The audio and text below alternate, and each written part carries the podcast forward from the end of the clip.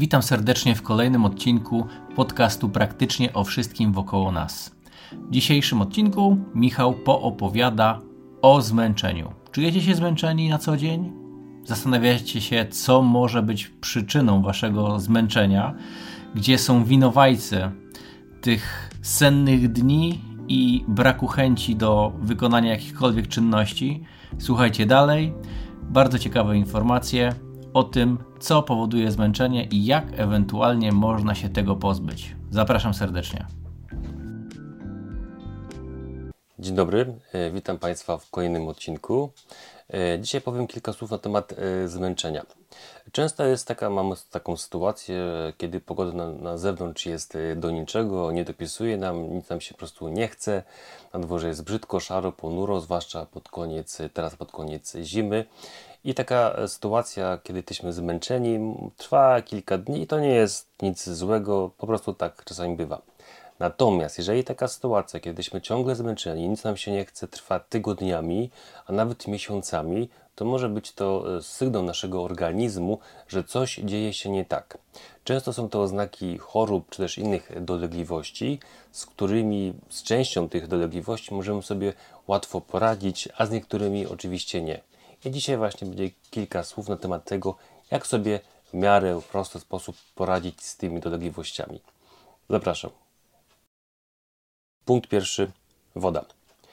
Jedną z najczęstszych, a jednocześnie najłatwiejszym sposobem na pozbycie się zmęczenia jest po prostu picie większej ilości wody ewentualnie e, herbaty czy też innego rodzaju ziół, ponieważ e, w ogólnym bilansie napojów woda powinna jednak stanowić większość. Tutaj kategorycznie nie powinniśmy pić słodkich napojów e, gazowanych czy niegazowanych, soków owocowych, ponieważ one zawierają dużą ilość cukru, a tym samym właśnie powodują nasze zmęczenie, ale o tym powiem jeszcze w dalszej części tego filmiku. E, spadek nawodnienia na poziomie około 1 czy nawet 2% może powodować właśnie już u nas uczucie zmęczenia. Natomiast e, jeżeli będziemy, natomiast jeżeli już odczuwamy brak wody, to już to jest jakby znak naszego organizmu, że już mamy tej wody za mało. Dlatego powinniśmy pić na bieżąco w ciągu dnia małymi ilościami, małymi łykami wodę przez cały dzień, a nie na raz napić się, nie wiem, półtora czy dwa litry wody, ponieważ to nie da nam żadnych e, pozytywnych rezultatów. Generalnie, czasami osoby, które mają problemy z bólem głowy, również często ten problem wynika właśnie z odwodnienia, więc możemy w tym momencie upiec dwie jakby pieczenie na jednym ogniu, czyli pijemy wodę, przez to zmniejszamy ból naszej głowy, a jednocześnie będziemy mniej zmęczeni. Punkt drugi sen a dokładnie za mała ilość snu albo też sen niskiej jakości. Według najnowszych badań e, dla człowieka najwłaściwsze godziny snu to jest między godziną 22 e, a 6 rano, ale Oczywiście zdaję sobie z tego sprawę, że nie zawsze jesteśmy w stanie jakby te godziny na sen wykorzystać. Niemniej jednak powinniśmy wysypiać, spać około 8 godzin w ciągu doby. W czasie tego snu nasz organizm yy, regeneruje się, generalnie nasz układ nerwowy regeneruje się, w tym mózg, a poprzez skutek braku odpowiedniej ilości snu może prowadzić to do zaburzeń w prawidłowym funkcjonowaniu właśnie mózgu, ale również ma wpływ negatywny na nasz stan emocjonalny, naszą koncentrację, na logiczne myślenie, a także pamięć. Dlatego też, y, albo przede wszystkim też pamiętajmy o tym, że również niewłaściwa ilość, jakość snu powoduje podwyższony poziom cukru we krwi, a także podwyższony poziom hormonu stresu, czyli kortyzolu. Także wysypiajmy się porządnie, zanim idziemy spać, wyłączmy wszystkie urządzenia elektryczne, jakie są w sypialni czy wokół naszego łóżka, bo to spowoduje lepszą jakość snu, a także starajmy się unikać używania telefonów, komputerów bezpośrednio przed pójściem spać, bo to też wpływa negatywnie na jakość snu. Punkt trzeci to jest stres. Oczywiście łatwo mówić, gorzej zrobić. Nie ma możliwości, żebyśmy całkowicie wyeliminowali stres z naszego życia, ale jeżeli popatrzymy na nasz właśnie hormon stresu, czyli kortyzol, to jego poziom nad ranem jest bardzo wysoki, ponieważ po to jest taki wysoki poziom tego hormonu, żeby nasz organizm się obudził, żeby zaczął działać. Jednak, jeżeli żyjemy w ciągłym stresie, to poziom tego hormonu będzie jeszcze wyższy, co może powodować, że będziemy się po prostu wcześniej budzić. I znowu komfort naszego snu, ta sumaryczna ilość godzin będzie zaburzona i w tym samym będzie koło się jak gdyby y, zazębi i będziemy mieli po prostu problemy ze snem, będziemy chodzili niewyspani. Więc jeżeli możemy, unikajmy stresu. Punkt y, kolejny, czwarty, insulinooporność. Jest to e, takie schorzenie, którym pomimo wysokiej ilości cukru we krwi, a jednocześnie wysokiego e, poziomu insuliny w krwi, nasze komórki nie są w stanie pobrać tej glukozy z krwi do swoich celów, jakim są przypisane. Dlatego y, ten wysoki poziom cukru we krwi powoduje tak zwaną hiperglikemię, a to właśnie powoduje ciągłe uczucie zmęczenia, ponieważ nasze komórki, pomimo że mają energię, to tej energii nie są w stanie pobrać z glukozy i właściwie one no, nie mają, mówiąc brzydko, siły.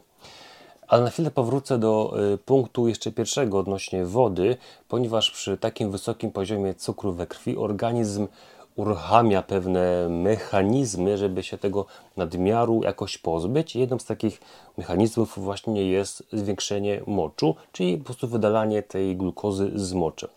Jeżeli organizm taki uruchamia tego typu mechanizm, to powoduje zwiększenie zapotrzebowania na wodę, czyli na napoje. Jeżeli dajemy wodę, pijemy wodę, jest wszystko w porządku, ale jeżeli zapełnimy nasze pragnienie poprzez picie znowu słodkich y, napoi czy też soków owocowych, to znowu poziom cukru we krwi nam skoczy do góry. I znowu mamy błędne koło, ponieważ znowu będziemy mieli wysoki poziom cukru we krwi, dlatego właśnie woda i zioła to najlepszy sposób na walkę z naszym y, pragnieniem. Jeżeli chodzi jeszcze kilka słów o insulinooporność, to zbyt długi czas trwania insulinooporności może powodować, że zachorujemy na cukrzycę. A generalnie co powoduje, że powstaje insulinooporność? To przede wszystkim jest to śmieciowe, wysoko przetworzone jedzenie oraz brak aktywności fizycznej. Jeżeli chodzi o problem wysoko przetworzonego e, jedzenia, to zapraszam Państwa na mój film. Mówiłem o tym ostatnio, co to jest takiego. Generalnie w skrócie jest to wysoko przetworzona żywność, która jest pozbawiona cennych składników mineralnych i dostarcza nam przede wszystkim cukry i tłuszcze, aczkolwiek jest smaczna.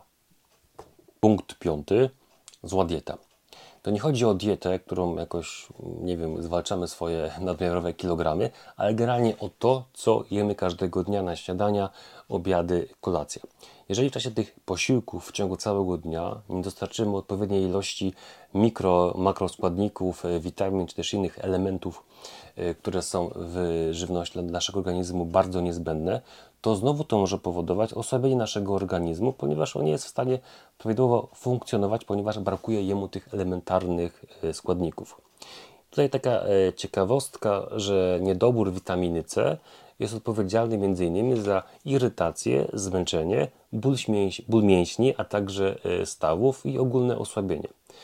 E, oczywiście również wielkość spożywanych posiłków, a także e, tłustość, powiedzmy, ciężkostrawność tych potraw ma też dla naszego organizmu bardzo duże znaczenie.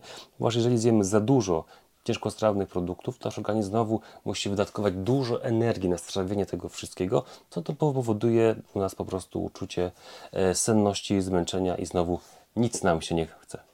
Punkt szósty. Nietolerancja pokarmowa.